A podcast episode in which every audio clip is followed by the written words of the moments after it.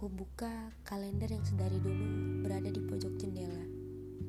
Tanggal menunjukkan 24 Mei 2020. Tahun yang memiliki angka cantik, namun tidak seindah apa yang terjadi pada masanya. Pada tanggal tersebut, semua orang bersorak-sorai, merayakan hari kemenangan, walau hanya sebatas video call. Namun, itu semua telah membayar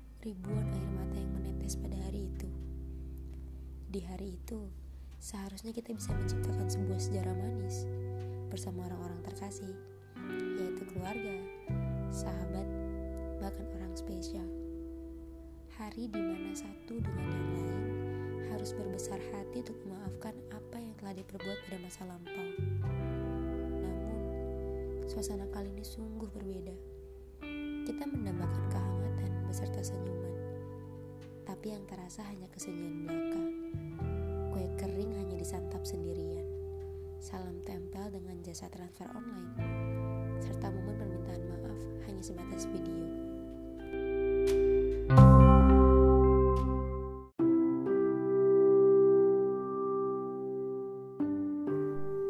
Tunggu, coba renungi sejenak. Masalah yang datang tadi bukan sekedar ujian, namun hikmah dan kasih sayang yang dibungkus dengan teka-teki yaitu ujian tadi. Pandemi kali ini mengajarkan kita untuk menghargai dan menyayangi orang-orang yang telah berjuang untuk kita, yaitu orang tua. Bisnis boleh tersebar, dan koneksi boleh besar. Namun semua itu bukanlah jaminan kebahagiaan seseorang. Ada satu hal yang tidak boleh pernah kita lupakan, yaitu identitas kita. Siapa kita? Kita adalah seorang anak, kakak, adik, suami, istri, atau bahkan orang tua. Tugas utama kita adalah saling merawat dan menjaga satu sama lain. Kita berasal dari bibit kecil yang tumbuh karena siraman kasih sayang dan perhatian dari mereka. Siapa mereka? Mereka adalah keluarga kita. Pernahkah kamu sejenak merenungi arti senyuman mereka di saat kau hendak pergi menuntut ilmu? Pernahkah kamu sejenak merenungi arti kata hati-hati di jalan sebelum berangkat kerja? Kata-kata termahal dan sekaligus doa yang kita dapatkan secara percuma dan tidak perlu gelisah berapa harga dari ucapan tersebut. Pandemi juga mengajarkan untuk menjadi orang yang lebih berwawasan dan berkemampuan ketika bahaya di luar semakin mencekam dan terpaksa untuk berada di rumah dengan produktif.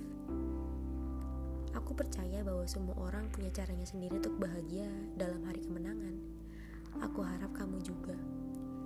Sesekali katakanlah terima kasih untuk selalu ada untukku kepada mereka yang kamu sayangi.